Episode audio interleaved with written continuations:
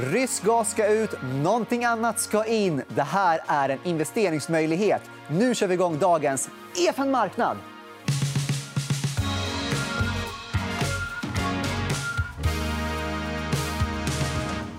Och någon som är ruttad på energi och kanske specifikt hållbar energi. Patrik Lindqvist, varmt välkommen. Tack så mycket.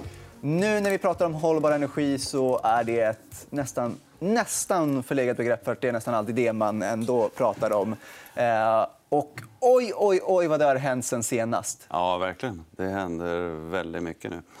Vi har, ah, du har alltid pratat om att det är liksom, vi måste gå över till mer sånt. Vi måste investera där och det är en investeringsmöjlighet. Och sen kommer Ryssland-grejen. Och nu är det lite bråttom ändå. Ja, det kan man väl säga. Men eh, det är ju bråttom i ett klimatperspektiv. Det är bråttom i ett eh, så att säga, geopolitiskt perspektiv också. För att, jag, menar, jag brukar ju prata om hjärta och plånbok, det som driver den här typen av investeringar. Men nu har vi fått då den här tredje grejen, geopolitik, som också driver på som ett tredje ben. Det vill säga att vi vill inte sitta i knät på Putin. Och det är bättre att tanka från solen än att knacka honom på axeln och köpa bensin. Men eh, så, vi vill ju... På något sätt är det också det här att nu, har man, nu vill man verkligen göra sig av med rysk gas mm. på en gång. Mm. Här och nu. Mm. Vi har fått en tittarfråga om eh, just detta. Utdelningslöparen frågar vilka bolag är aktuella för att liksom gå in och ersätta det här liksom här och nu. Alltså, här och nu är egentligen det är väldigt svårt att plötsligt bara koppla på kranen. Utan man tittar på den plan som EU kom med, Repower EU, som kom för 8 mars. Tror jag det var där man ju pekar på ett antal olika faktorer. Och det, bara det i sig är symptomatiskt för att det finns ingen quick fix. Eh, förnybar energi ska man tredubbla utbyggnadstakten utav. Eh, men det handlar också om att börja importera LNG eh, istället för att ta den från Ryssland. LNG är? Eh, liquefied natural gas. Alltså okay. Man kyler ner den för att kunna transportera den, för då blir den mycket tätare. Det är de stora båtarna med som små bullar på. Ja. Om ni har sett. Eh, problemet är att Tyskland har inga hamnar för att ta emot det. Så att, ja, det är klart, någon måste bygga dem eh, här och nu, eller typ igår. Eh, så det finns väldigt många olika delar i det här där man behöver göra det. det är, man pratar om att sänka innetemperaturen, man pratar om att använda värmepumpar. Det är bra för Nibe. Ja. Frågan är växer det snabbare än väntat. Är P 55 eller 60? Är det diskuterar den typen av tillväxttakt. Och jag skulle nog säga att det, det är väl ungefär det, där det behöver växa för att motivera den värderingen, tycker jag. Ja, det var i och för sig också en eh, tittarfråga från Stirran. Borde tyskarna investera i mer värmepumpar? Är den, alltså, är den lösning på problemet eller förmildrar det mest? Nej, men absolut så är det. Alltså, värmepumpar det är ju en del i att säga, minska energiförbrukning. Jag brukar prata om att det handlar inte bara om att, säga, förnybar energi. Det handlar också om det man kallar energieffektivitet vilket är egentligen den viktigaste delen för att ta oss till 1,5 grad. Och det är egentligen allting som innebär minskad energiförbrukning. Det är elbilar är mycket energieffektivare. Det handlar om bergvärmepumpar, isolera hus. Och det finns väldigt många olika delar i det där. Men du nämnde Nibe mm. för värmepumpar. Är det något mm. du kikar på? Eh, jag hade det i fonden en gång i tiden. Jag eh, har inte idag. Det... Är det en värderingsfråga? Det är en värderingsfråga. Ja, jag misstänkte det. Mm. Uh, Okej. Okay. Och, uh, då är den här frågan från Strömbrand som jag tycker är väldigt bra på att summera detta. Hur snabb omställning kommer det bli baserat på det vi vet nu? Alltså realistiskt. Ja. Liksom. Alltså, vi, kan tänka, vi kan börja i så säga, vilka förväntningar låg på utbyggnad av europeisk förnybar energi. Mm. Eh, och då måste, som bakgrund måste man veta att det inte hänt ett skatt på vind de senaste åren. för att Det har inte gått att bygga vindparker för du, du får inte tillstånd. Så förväntningsbilden var att det skulle växa med 5,5-6 per år fram till 2030. Eh, med den här planen från EU så pratar vi kanske om 8% per år. Men sen så pratar man också då att ja, men vi behöver mer vätgas eh, för att lagra energi men även för vissa industriprocesser. Och att man skulle fördubbla volymerna där. Och det kräver enormt mycket förnybar energi. Så då snackar vi 15-16% per år. Från 6 till 15, 16. Jag tror inte man kommer att klara av den typen av acceleration. För det krävs enorma Eh, investeringar, men också att få kraftnäten att funka. Menar, I Sverige har vi väldigt tydliga exempel på vad det blir när det inte funkar. När eh, elen kostar 23 öre i zon 1 och 2 och den kostar 3-4 spänn nere i 4, då, alltså i Skåne. Och det är en väldigt tydlig illustration på problematiken för elnäten. Det är också ett område där vi måste investera i, där jag gör och tar investeringar. Det finns ett väldigt spännande bolag som är noterat i Sverige faktiskt, eh, som heter Smartwire eh, de jobbar egentligen med att försöka effektivisera det nät som redan finns. Det handlar om att bygga ut nät och då investerar jag till exempel i Prismian som är väldigt ledande på kablar. Men också att försöka använda det nät som vi redan har. Okej, okay, och det, alltså, hur mycket kan man effektivisera det och hur mycket kan det påverka? Eh, jag menar, det här problemet har ju funnits mm. jättelänge. Yes. Det är liksom ett nytt problem ja. att effektivisera det. Men accent problemet accentueras av mer och mer förnybar energi i, i näten eftersom du, den är inte prognostiserbar på samma sätt som ett eh, kärnkraftverk eller ett kolkraftverk som du slår av och på. Så det är inte baskraft. Eh, så problemet accentueras vilket gör att investeringarna behövs mer och mer egentligen. Så det där är egentligen en tilltagande utmaning och en tilltagande möjlighet också för den här typen av bolag. Men jag eh, noterar att du nämner många gånger de borde gjort det igår. Det bör ske någonting där. De borde investera i. Vad, finns det någon differens mellan vad du tror de kommer göra och vad de bör göra? Ja, eh, och fram tills nu egentligen så har det varit väldigt mycket baserat på vad politikerna har snackat om men kanske inte omsatt i lagar och regler. Men det är helt fascinerande hur snabbt det händer nu när vi plötsligt får den geopolitiska drivkraften. Då springer politikerna alldeles vansinnigt fort. Alltså, vi pratar, Tyskland har redan då röstat i Bundestag om att eh, ta bort det kommunala vetot när det gäller vindkraftsparker på land. Det kan inte vara ett kommunalt Eh, Eh, beslut. Utan det är ju kanske en regional och ett energipolitiskt beslut, eller säkerhetspolitiskt beslut eh, när det gäller energiförsörjningen. Så det tar man bort i Tyskland sannolikt. Vi ser hur Holland fördubblar sina utbyggnadsplaner. Vi ser hur Belgien pratar om att ja, vi kanske ska förlänga våra kärnkraftverk lite grann och så vidare. Nu händer det saker väldigt fort. Så det finns mycket bättre förutsättningar för att ta det framgångsrika COP 26 men det var ju politiskt framgångsrikt. Det innebär ingenting om man inte översätter det i regler, förordningar och processer. Och nu plötsligt så får man en katalysator för det. Det är jättebra. Ja, och då finns ju du där med investeringar för eh, de olika delarna mm, här. Mm. Och ändå en väldigt, väldigt intressant fråga tyckte jag. Det var från Simon som undrar mm. vilken typ av grön energi kommer eh, prestera bäst kommande år? Alltså, är det solkraft? Är det vindkraft? Du pratar mycket om vindkraft här. Alltså, för det första, man ska komma ihåg att det är inte så att du kan köra det ena eller det andra bara. För att de är komplementära. Liksom. Att det, du vet när solen lyser, men när vind, vinden många gånger, det blåser ofta på natten. Eller framförallt det blåser. Vi vet att det blåser alltid mer på natten när det är soligt på natten, by definition. Men, eh, så de är komplementära. Men när det gäller sol så tror jag att det kommer att ta en större del av kakan av kostnadsskäl. Det är, så att det är kostnadsmässigt effektivt, men det också är det mycket mindre invasivt. Eh, det vill säga, det, problemet med att ha en solpark i närheten är inte samma som att ha en jättevindpark. Det upplever folk mycket mer stötande. Så jag tror att det är lättare att få igång solkraftsutbyggnaden, eh, även om den då in, vi klarar oss inte bara med det. Men vart ska man då investera inom den här sol...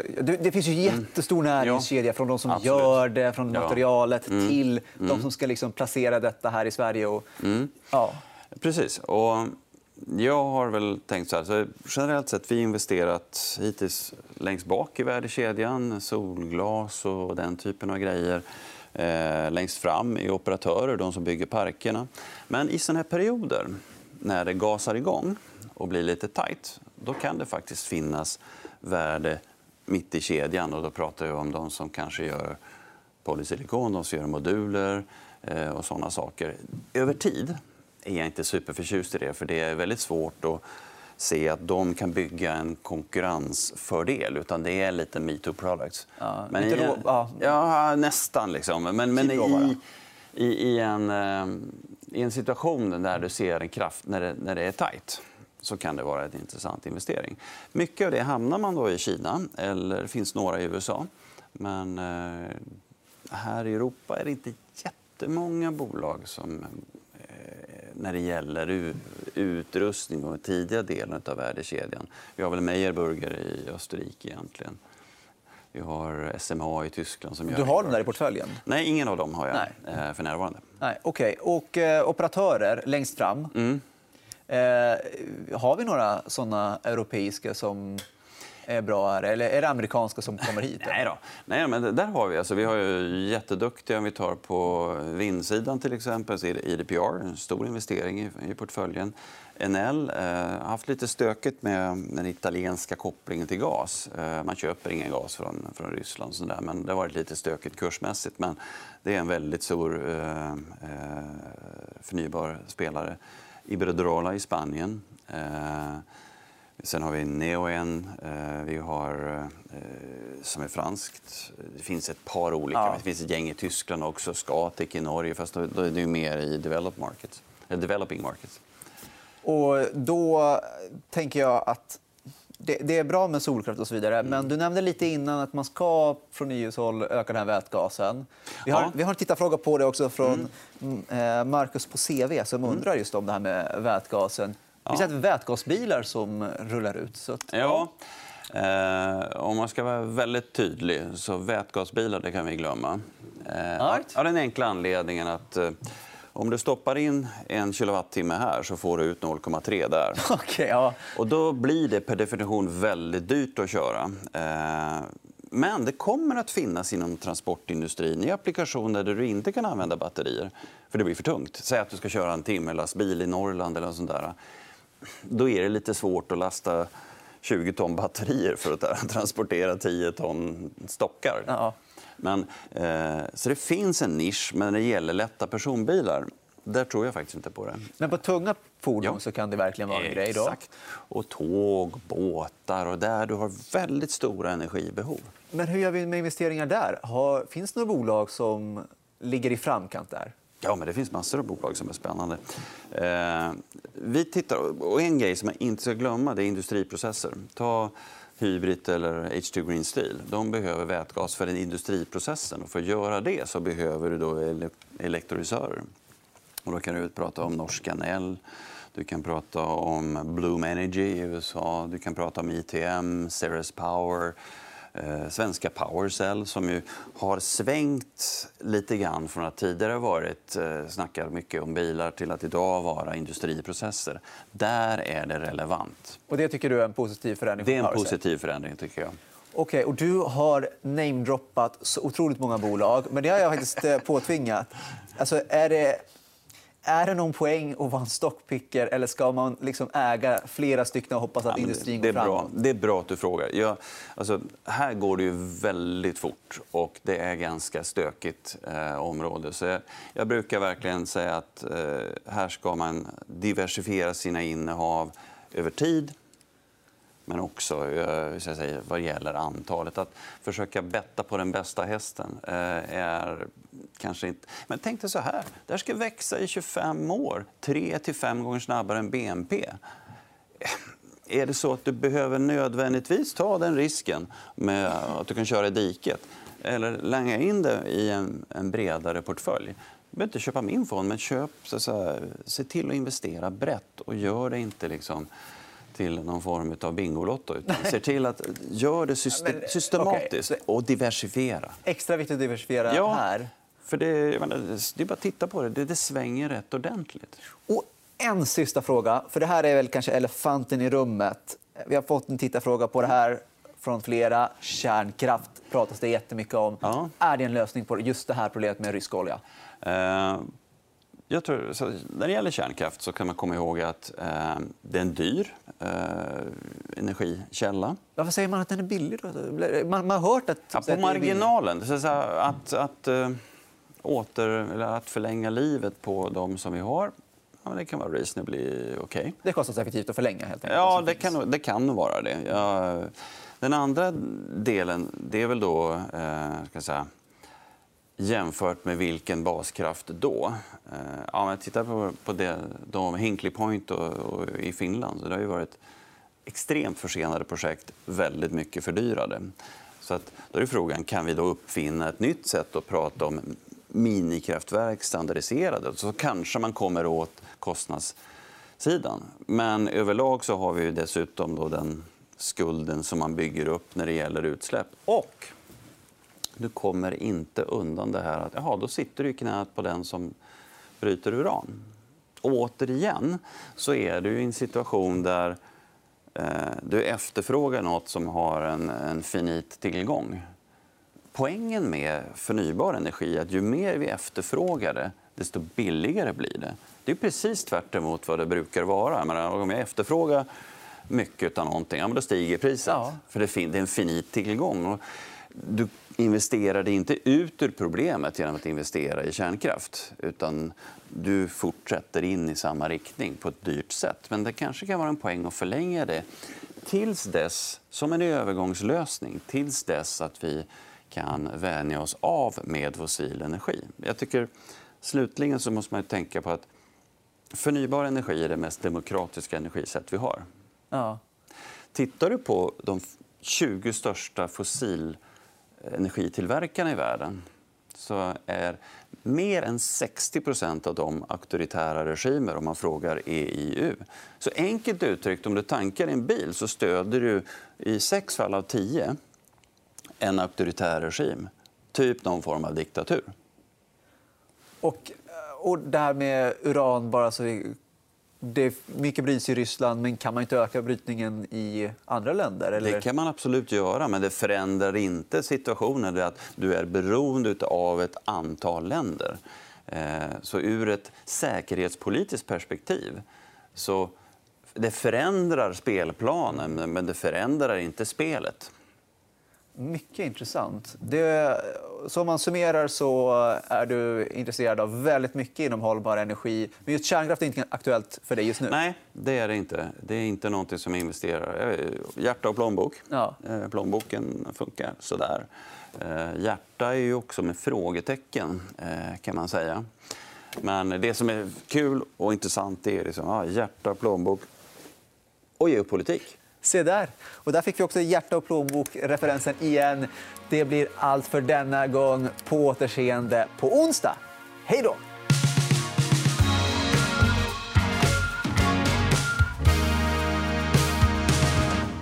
Du har lyssnat på EFN Marknad, en podd av EFN Ekonomikanalen. Mer om ekonomi och aktier finns på efn.se.